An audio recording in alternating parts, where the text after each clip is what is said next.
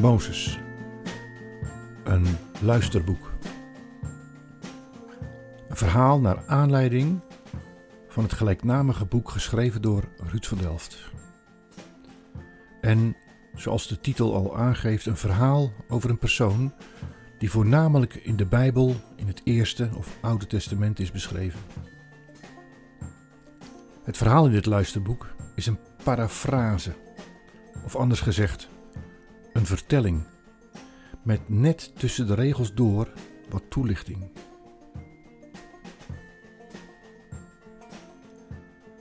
Het best verkochte en meest weggegeven boek is meteen het interessantst omdat het over God gaat.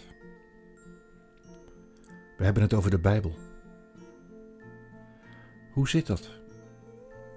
Nou, daar is bijna geen antwoord op te vinden dan dat het de uitdaging wordt om zelf aan de slag te gaan. Door te gaan lezen in de Bijbel zal je ontdekken dat het God is die tot je spreekt. Ergens zit je dichter bij Hem naarmate je verder leest. In dit luisterboek, wat je nu hoort, is het mij bedoeld om je aan het lezen te zetten. Zie het als een soort kennismaking met de Bijbel. En uiteindelijk met God zelf. Want kennismaken met je maker is toch het mooiste wat je kan overkomen? Met name door de persoon van Mozes heen zal je veel van Gods karakter leren kennen.